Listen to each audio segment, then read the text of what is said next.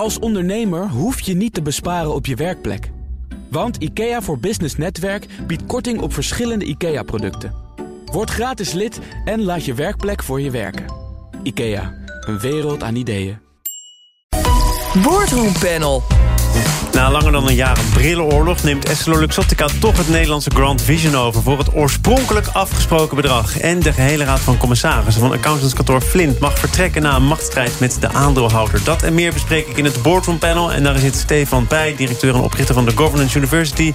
En Jeroen Verkouteren, specialist op het gebied van overnames en fusies van factorbedrijfsovernames. Welkom heren. Dankjewel. En wij hebben nog een gast, namelijk Ray Ben. Wordt gezongen door Peter Selfie. Op bij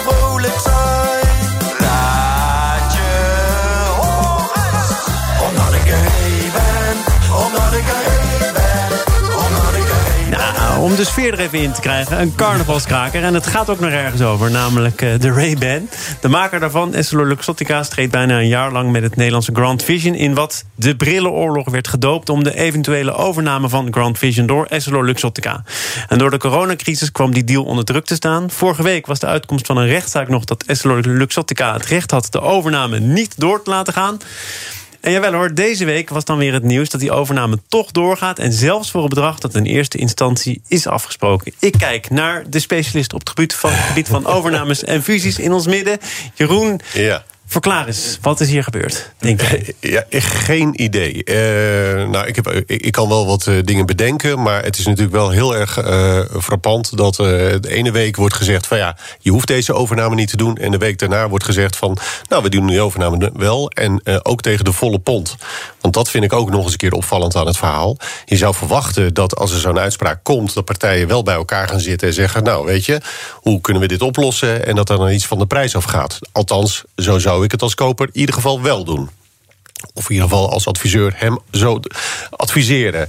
Eh, wat wel kan- gebeurd kan zijn, is natuurlijk dat eh, Grant Fisher gezegd heeft: Nou, we hebben deze eh, uitspraak van de rechter. Wij zijn het hier niet mee eens. Wij gaan verder in het hele proces. Dus dat kan een ellenlange zaak worden, jarenlange zaak. Wil je nou settelen? Dan willen we de, nog steeds de prijs hebben.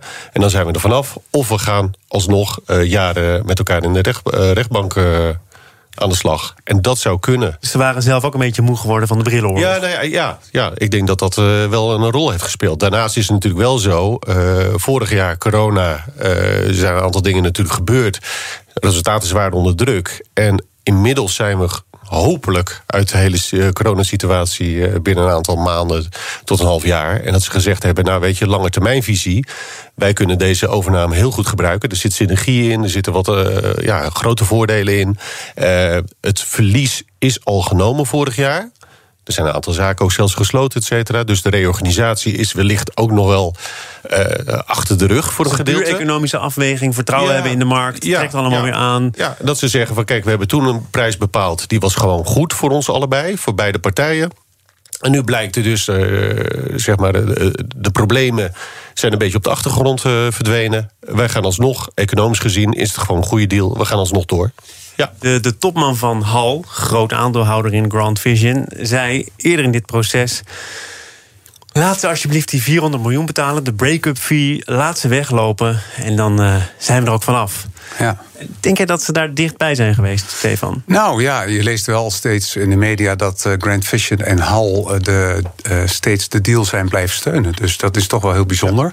En wat ik zelf. Ja, dat, dat, dat zinnetje, goed dat je eruit pikt, want dat had Ja. ik zelf ook gelezen. Ja. we zijn het allemaal in de kern wel blijven steunen. Ja. Maar daar hebben we ook wel wat rechtszaken voor over gehad. Dus Ja. wat is die steun dan waard? Ja, ja, ik had de indruk dat de, de kopende partij op een gegeven moment zich afvroeg. de Italiaan in Monaco die zei van kan ik niet gewoon weglopen. Dus eh, ik denk dat hij eh, eh, zich dat hardop heeft afgevraagd. Maar goed, voor zover we weten. Wat ik, wat ik jammer vind het hele verhaal is dat het allemaal over geld gaat. Hè. De, het, het presteert minder, de prijs moet omlaag en dan gaat het allemaal. En de, de hele, de- we hebben het hier over een bedrijf in meer dan 40 landen met meer dan 700 winkels met 37.000 medewerkers, waarvan er een aantal zijn vastgehouden op een avond om gewoon al die data eruit te trekken.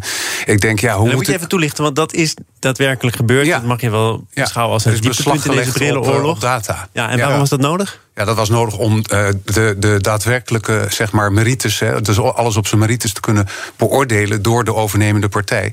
Die hebben dus daar blijkbaar de juridische mogelijkheden voor gehad. Wat natuurlijk heel erg heftig is, want je wordt als bedrijf gewoon overvallen. Eh, ja, een beetje gegijzeld eigenlijk. En dan wordt vervolgens worden al je data gewoon gekopieerd. En, eh, ja, en nu is die Nou, overname dan een feit. denk wilde ik. fors betalen en heeft Ja. gedurende de coronacrisis moeten concluderen... ja, maar wij deden dat op basis van een verkoopcijfer. Eh, en de vraag is, eh, is dat nog wel realistisch als je bijvoorbeeld eh, je winkel sluit? Ja, nou, eh, ik kan me voorstellen dat je wel eh, second thoughts hebt als er opeens een coronacrisis komt, winkels gesloten worden en de omzet eh, keldert. En ze hebben ook verlies gemaakt. Aan de andere kant hebben ze nu weer tij mee. Dus uiteindelijk denk ik dat je zoiets doet voor de langere termijn. En als je ziet dat zo'n winkelketen in- intrinsiek gewoon goed is, dan kun je wel zeggen van nou, ik ga voor een, ik wil een, halve euro besparen per aandeel. Maar ik denk dat je dan toch gewoon daar doorheen moet kunnen kijken. En juist moet zorgen dat je dat op een goede manier con amore met elkaar eh, doet. En dat is nu niet gebeurd. Nou, Jeroen, Ja. eh, Stefan zegt het gaat eh, bijna uitsluitend over geld. Nou, daar ben ik het niet helemaal mee eens. Want juist wat, er gebeurd is, is inderdaad eh, beschuldigingen van fraude, cijfers achterhouden, et cetera. Het ging inderdaad ook over, het ging over geld, maar het ging ook over emotie. Ik bedoel, de koper heeft best wel wat dingen geroepen in de rechtszaal, maar ook daarbuiten, waarvan ik als verkopende partij zou zeggen: ja, weet je, we worden hier beschuldigd van alles, eh, onterecht. eh, dit, dit gaat best wel wat verder dan alleen maar geld. En dat is natuurlijk ook gebeurd, en dat is precies wat je aanhaalt: de, de invallen, eh, cijfers kopiëren, of eh, gegevens kopiëren, et cetera. Maar je ziet wel vaker natuurlijk dat in een overnametraject, zeker als het langer duurt, de situatie bij een bedrijf verandert. En natuurlijk als, als raad van bestuur eh, heb je de verantwoordelijkheid voor je bedrijf. Maar Jeroen, klopt het dat het eh, weliswaar over emo- emoties gaat... maar de oorsprong daarvan ligt toch in een financieel conflict. Namelijk betalen wij niet te veel voor wat we dachten te kopen. Nee, het- conflict ging, eh, was een kleine nuance. Eh, Het ging niet zozeer over. Hebben we te veel betaald? Zij zeiden, de koper zegt van... ja, luister eens, eh, de situatie is zodanig veranderd. Jullie hebben opeens winkels gesloten. Jullie zijn opeens andere dingen gaan doen. Jullie hebben cijfers achtergehouden voor ons. Daar willen wij inzicht in hebben. En dat hadden jullie als goed koopman niet mogen doen. Terwijl de eh, Gwen Vision, de, de verkoper, natuurlijk zegt... ja, maar wij moesten ingrijpen, want de situatie was zodanig veranderd in de markt... dat wij dingen moesten doen voor het bedrijf. Dat is ja, goed koopmanschap. En dat is wel een beetje de discussie natuurlijk. Koper zegt, ja, je hebt dingen gedaan die je niet had mogen doen. Verkoper zegt, als wij het niet hadden gedaan... hadden jullie ook kunnen klagen... hé, hey, jullie hebben niks gedaan in de situatie. Dus het is een beetje... Ja, ik heb het dan ook meer over de cultuur van de medewerkers. Want als Grand Vision en Hal zo duidelijk achter die deal zijn blijven staan. en die medewerkers die, die, die worden daar heel lang in, in onzekerheid over gelaten. Dan, dan zit het probleem natuurlijk ook binnen het concern eh, Grand Vision.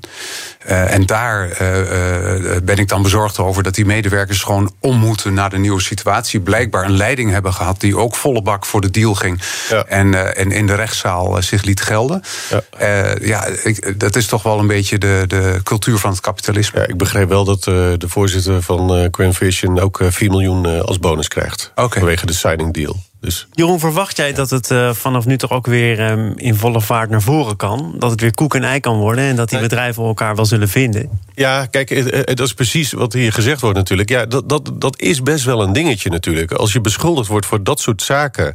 eh, er worden invallen gedaan. Ja, dat, dat gaat best wel wat... Dat gaat verder dan gewoon even een discussie... onderhandelingstechniek tussen koper en verkoper. Dus ik vind het wel... Ja, ik moet nog wel eens zien hoe dat eh, gaat verlopen bij de integratie. Ja. Ik denk dat best wel een dingetje kan zijn. Ja, en ze moeten iWish kwijt hè, van de mededingingsautoriteiten. Dus, dat, dat was natuurlijk ingecalculeerd. ja, dat is Ja, waar. nee, kijk, dat, ja, dat klopt. Toch? Ehm, nog, nog even, want het ging hier over eh, geld. En Ja. eh, of de aandeelhouder eh, hier niet vooral de winnaar van is. Dat is wel de conclusie van onze analist die hier gisteren was, Arend Jan Kamp van IEX. Die zei, nou, als er één winnaar is, als ik één iemand moet feliciteren, dan is het wel de aandeelhouder. Want er werd toch serieus rekening gehouden met een korting op het aandeel van zo'n 3 euro. Eh, kunnen we dat hier met elkaar eens zijn? Is dat dan de winnaar, de aandeelhouder? Nou ja, en ik denk dat Hal Investments eh, heel erg blij is. Ja, die hebben de champagneflessen wel opengetrokken, inderdaad. Ja. Want eh, vergeet, eigenlijk ging het bod over eh, het gedeelte wat Hal eh, in Quinn Vision heeft. 73% uit mijn hoofd. Er komt nu een openbaar bod op de rest van de aandelen. Maar Hal Investment is degene geweest die de onderhandelingen daarover heeft gevoerd. Dus ja, wat dat betreft, eh, die zijn erg blij. Kun je zeggen mooi, dat ze dat mooi goed hebben gemaakt. Ja. Over de macht van de aandeelhouder praten wij ook nog even verder in dit panel. BNR Nieuwsradio. Thomas van Zeil. En dat doe ik met het boardroompanel bestaande uit Stefan Pijt, directeur en oprichter van de Governance University, en Jeroen Verkouteren, specialist op het gebied van overnames en fusies, verbonden aan factorbedrijfsovernames. Dan wordt hier driftig door de aantekeningen gebladerd. En dat is nodig ook, want er is een eh, flinke machtsstrijd gaande bij accountantskantoor Flint. Daarover schreef het FD deze week dat de Raad van Commissarissen eh, de bestuursvoorzitter van Flint wilde afzetten, Bas Hidding, maar de enige aandeelhouder, de Stichting Beheer Flint, die was het daar niet mee eens. Dat conflict liep zo hoog op dat de gehele Raad van Commissarissen nu vertrekt nadat diezelfde stichting het vertrouwen in de raad had opgezegd. Nog eventjes voor de details, want de vraag was is die raad van commissarissen nou de laan uitgestuurd of hebben ze formeel gezien de eer aan zichzelf gehouden? Dat laatste is het geval, toch? Ja, formeel is dat het geval. Het was natuurlijk wel de commissaris wel duidelijk dat ze niet uh, konden blijven. Dat ze, dat ze uh, weg zouden worden gestuurd. En hebben ze die eer gewoon aan zichzelf gehouden. Dus formeel zijn ze zelf vertrokken. En betekent dat juridisch gezien nog iets? Of op het gebied van good governance? Um, nou ja, in feite, als de hele raad was weggestuurd, dan was sowieso de ondernemingskamer in beeld gekomen. Uh, ik schat in dat ze dat nu kunnen voorkomen.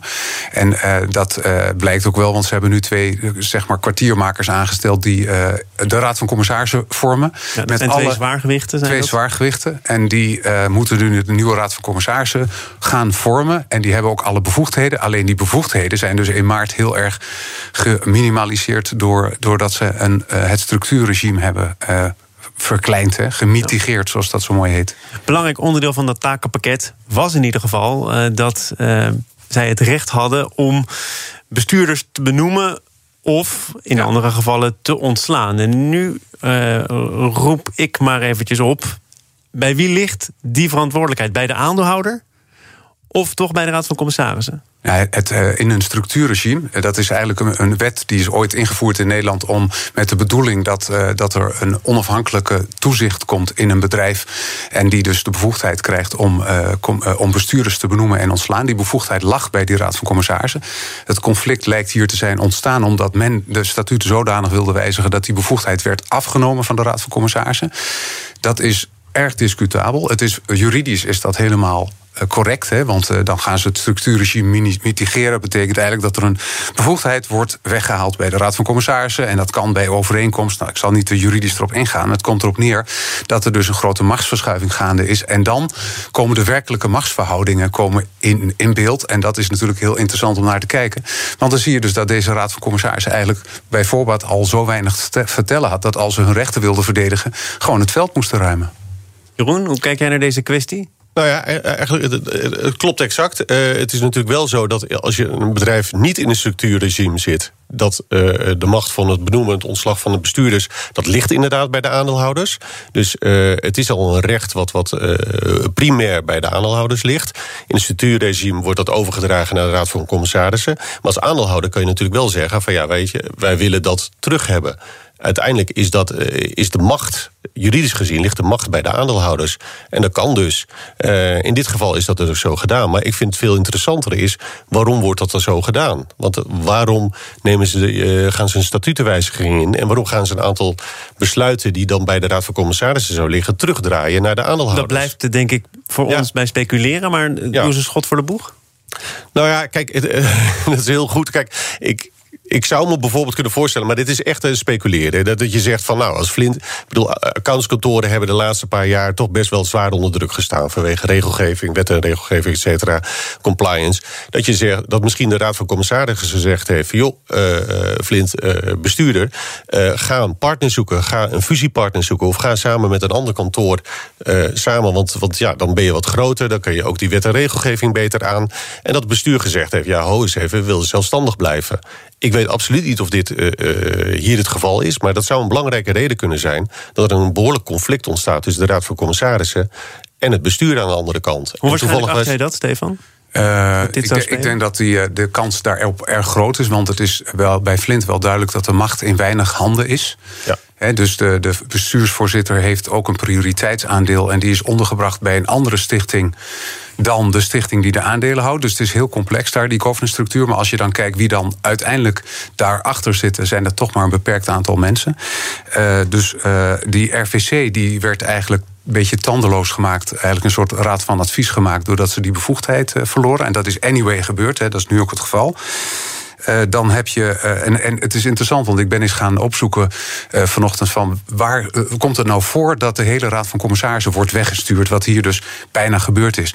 Toen vond ik alleen voetbalclubs. Herenveen, Ajax, NAC Breda. Willem II en een aantal woningcorporaties waar hele grote dingen zijn gebeurd. Dus ik denk, dit valt wel in de categorie ernstig. Knap onderzoek is dit. Ja, ja diep hè? In Zeist is het ook bijna gebeurd net. Mijn, eh, mijn onderzoek is iets minder diepgravend, maar ik kom toch ook de naam tegen van Leen Papen. eh, uitgewezen specialist op het gebied van eh, good governance. En mede daarom ook eh, lid van dit boardroom panel. Maar hij zat voor een maand of twee, moet ik er meteen bij zeggen, in een interne kwaliteitscommissie van Flint. Ehm, en een van de taken van die eh, kwaliteitscommissie was eh, toe te zien op de onafhankelijke rol van de voorzitter van de Raad van Bestuur, die Bas Hidding, die dus eh, zou moeten verdwijnen als aan die Raad van Commissarissen lag. En die heeft ook het prioriteitsaandeel. Marleen Papen heeft in verschillende media gezegd: Nou, ik wist na twee maanden al dat hier van alles speelde. Ik stapte in een conflict waar ik niet van op de hoogte was. Ik hou het voor gezien. Ehm, toen dacht ik, nou Leen, dat is uiteraard je goed recht. Maar moet je dan eigenlijk niet juist zorgen als kwaliteitscommissie... die dus ook een belangrijke rol speelt in het controleren van de eh, voorzitter van de Raad van Bestuur... dat je juist aanblijft? Ja. Ik ik, eh, ik eh, las volgens mij zelfs dat die hele commissie is opgeheven. En ik denk, Ja. nou, dat kan toch niet waar zijn? Want Ja, in die zo'n- commissie in ook die- commissarissen die zijn vertrokken. Klopt. hè? ja, ja. Dus het is een beetje eh kip en ei verhaal. De, de, de, de commissaris zijn vertrokken en gelijk is de commissie ook Ja. opgegeven... omdat Ja. de rest ook vertrokken is. Ja. Maar ik denk niet dat het zijn rol is, of was... eh, als een soort intermediair tussen de Raad van Bestuur...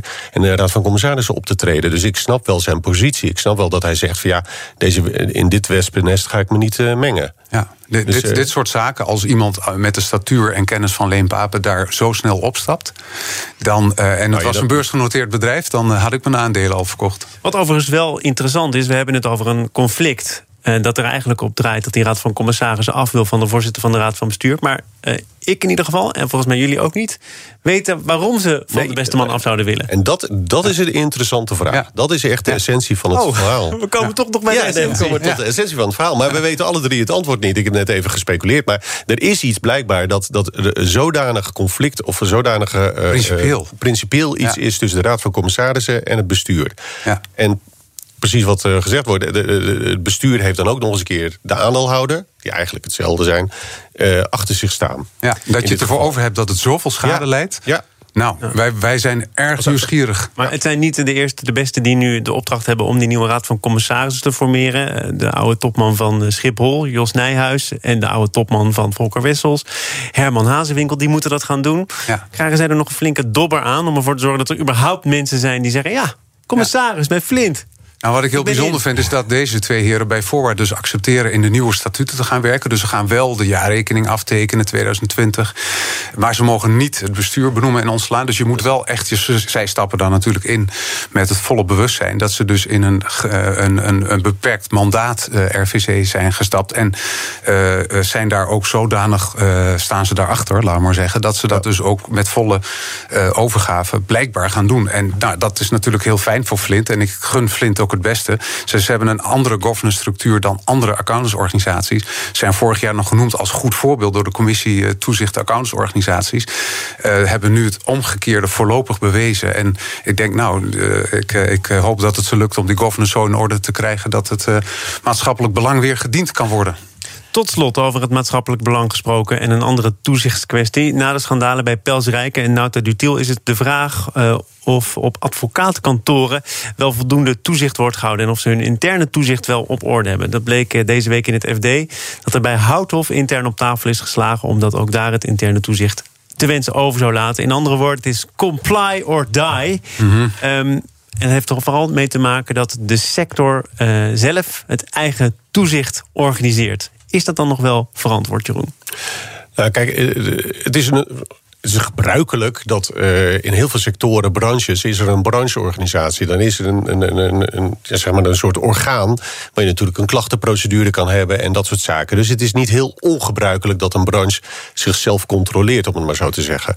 Advocatuur is natuurlijk wel een hele specifieke branche. En we hebben nu een aantal incidenten gehad. Want eh, let wel, ik vind Pelsrijken nog steeds een incident. We hebben het er wel vaker over gehad. Ik zie dit niet als een, een, een situatie wat echt sym- symptomatisch is voor de hele advocatuur. En uh, in 99,9% van de gevallen gaat het goed. Er zijn 18.000 advocaten, ja. 11 dekens, 70 medewerkers. Dus je moet ook hopen dat het maar incidenten ja, maar zijn. 18.000 ja, maar 18.000 advocaten zijn vorig jaar 500 klachten of zoiets geweest. 542 klachten uit mijn hoofd. Uh, die 18.000 advocaten hebben uh, tientallen zaken per advocaat. Dus in, in, in het aantal getallen is het gewoon heel klein. Dus uiteindelijk valt het wel mee. Aan de andere kant kan je wel zeggen: van ja, misschien moet je toch een aantal uh, dingen beter vastleggen. Nou, dat is precies wat het college ja. van toezicht van de Nederlandse Orde van Advocaten zegt. De onafhankelijkheid van het toezicht is verankerd in het bewustzijn van de betrokken toezichthouders, maar dat is tot op heden nauwelijks terug te vinden in toetsbare afspraken. Dus je moet er eigenlijk vanuit gaan dat iemand ter goede trouw is en zijn collega's durft aan te spreken, dat dat uh, geen belangenverstrengeling tot gevolg heeft. Maar als dat niet zo is, ja, geen haan die er naar kraait. Ja, eigenlijk uh, is het interessante dat we er hier over praten op het niveau van er zitten weeffouten in. Hè. Er zijn uh, dekens en die worden benoemd uit de beroepsgroep zelf. En die zijn zelf ook onderwerp van toezicht. En uh, er zijn er veel te weinig, want er zijn 70 mensen en er zijn geen algemene richtlijnen. Want Amsterdam heeft er veel meer dan Overijssel en dat soort voorbeelden. En ik denk, ja, we hebben het hier over. Dit is 2021. Laten we gewoon zorgen dat het toezicht eens goed op orde komt. Dus die, de, dat college voor toezicht, waar nog de voorzitter van het NOVA, de, de Nederlandse Orde voor Advocaten, in zit. Overal zitten ze allemaal zelf in. En dan zeg ik in 2021 doe je dat gewoon niet meer zo. Maar dan zegt Jeroen, ja, dat is gebruikelijk. Dat gebeurt op meerdere plekken. Ja, dat is gebruikelijk. Ja. Maar dat, dan, dat was in 2005 gebruikelijk. En dat uh, is op sommige plekken... Jeroen, je bent, een, je bent een beetje blijven hangen. Nee, nee, nee. nee, nee. nee ik ben het niet helemaal... Kijk, wat ik primair wel belangrijk vind... is dat er wel goede richtlijnen komen. En wat natuurlijk wel zo is... als de deken in Den Haag vervolgens een onderzoek moet gaan leiden... over een, een zaak in Den Haag... waar hij zelf weliswaar tien jaar geleden, maar tien jaar geleden wel bij Pelsrijken betrokken was. Dat is natuurlijk wel een beetje uh, slagen keur je eigen vlees. Was de deken dat uit Den Haag niet uh, onder curatele gesteld door de deken in Rotterdam? Ja, klopt. Om, dus, om, precies om deze reden. En dan ja. komt dat heel slecht over. Je maar, moet maar daar je gewoon kunt, richtlijnen... Je kunt al deze problemen toch makkelijk opruimen door voor een andere wijze van toezicht te kiezen. En ervoor te zorgen dat collega's niet over collega's gaan. Want dat is ook eerder geconcludeerd door, uh, door allemaal wetenschappelijk onderzoek. Advocatenkantoren uh, vinden het lastig om bestuurlijke boetes aan collega's op te leggen. Uh, bovendien is het allemaal heel tijd rovende procedures. Waarom moeten ze dat allemaal met elkaar zelf uitvinden? Nou, je kan ook zeggen van we gaan de richtlijnen zodanig maken, aanpassen, dat dat inderdaad gewoon wel kan. Dat er inderdaad een deken uit Utrecht komt op het moment dat een zaak in Den Haag betreft, waar geen banden bestaan, et cetera. Ja. Ik denk dat het, ik denk dat ik heb toch wel het vertrouwen dat advocaten onderling toch wel enigszins uh, onpartijdig kunnen zijn. Ik heb maar ook goed, heel veel vertrouwen. Dat, uh, vertrouwen is goed, maar controle is beter. Ja, nee, maar goed. En ik, uh, ja. ik denk echt dat, dat, dat dit wel anders moet. Want Heinrich Winter, ik heb ooit met hem 25 jaar geleden nog een boek geschreven. Die heeft een prachtig onderzoek gedaan vanuit de Universiteit Groningen. Maar al zijn aanbevelingen zijn ook best wel inbox oplossingen. Het is allemaal van precies zoals jij redeneert, Jeroen. Zo moeten we het dan gaan doen. Het is, het is maar goed dat er een einde aan dit panel ja. komt. Meteen vliegen jullie elkaar in de haren. Ja. Nee hoor, nooit. nooit. nou, dat zou ik op zich ook wel een keer spectaculair ja, vinden. Ik kan er niet bij. Misschien okay. er zit een schot tussen. Dan moeten we een uurtje langer praten. Ja, die anderhalve meter die houdt jullie nog uit elkaar. Heel goed. Stefan Pij, directeur en oprichter van de Governance University. En Jeroen Verkouteren, specialist op het gebied van overnames en fusies van Factor bedrijfsovernames. Dank voor jullie aanwezigheid. Heel graag in Pijs en Vree. Zometeen gaat het over het recht op onbereikbaarheid in BNR-zaak. Een kleine update maakt een wereld van verschil. Daarom biedt IKEA voor Business Netwerk gratis snelle interieurtips en ideeën. Word gratis lid en laat je werkplek voor je werken. IKEA, een wereld aan ideeën.